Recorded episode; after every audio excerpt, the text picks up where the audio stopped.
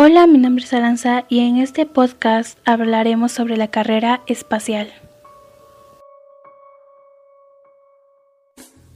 Esta carrera inició en octubre de 1957 con el lanzamiento por parte de la URSS del primer satélite artificial conocido como Sputnik 1, que estuvo durante tres semanas orbitando alrededor de la Tierra.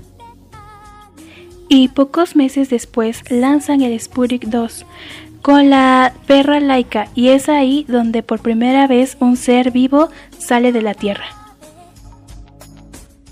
De igual manera, en 1958 Estados Unidos responde plantando su primer satélite artificial conocido como Explorer 1. En 1959 los soviéticos lanzan otro satélite artificial reconocido que llega hasta la Luna, la órbita satelital artificial. Se conoce como Lunik 3 y por primera vez se consiguió fotografiar la otra cara oculta de la Luna. Luego, en 1961, los soviéticos de nuevo logran lanzar por primera vez al espacio el primer cosmonauta, la primera persona que orbita alrededor de la Tierra, y ese astronauta fue Yuri Gagarin. Y en 1962, los americanos hacen lo mismo, pero con el astronauta John Glenn.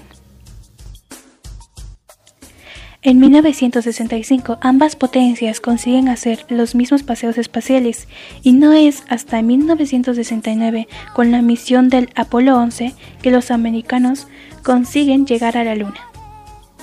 En este viaje fueron tres astronautas, que fue Michael Collins, Neil Armstrong y Buzz Aldrin. Y de estos, dos de ellos lograron bajar hasta la superficie de la Luna y pisarla, con lo cual este momento fue un hecho histórico, y así con la llegada al hombre a la luna es como se da por terminada la carrera espacial.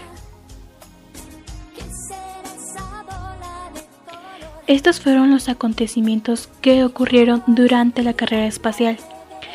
Esta información está brevemente resumida para su mejor comprensión sobre este tema.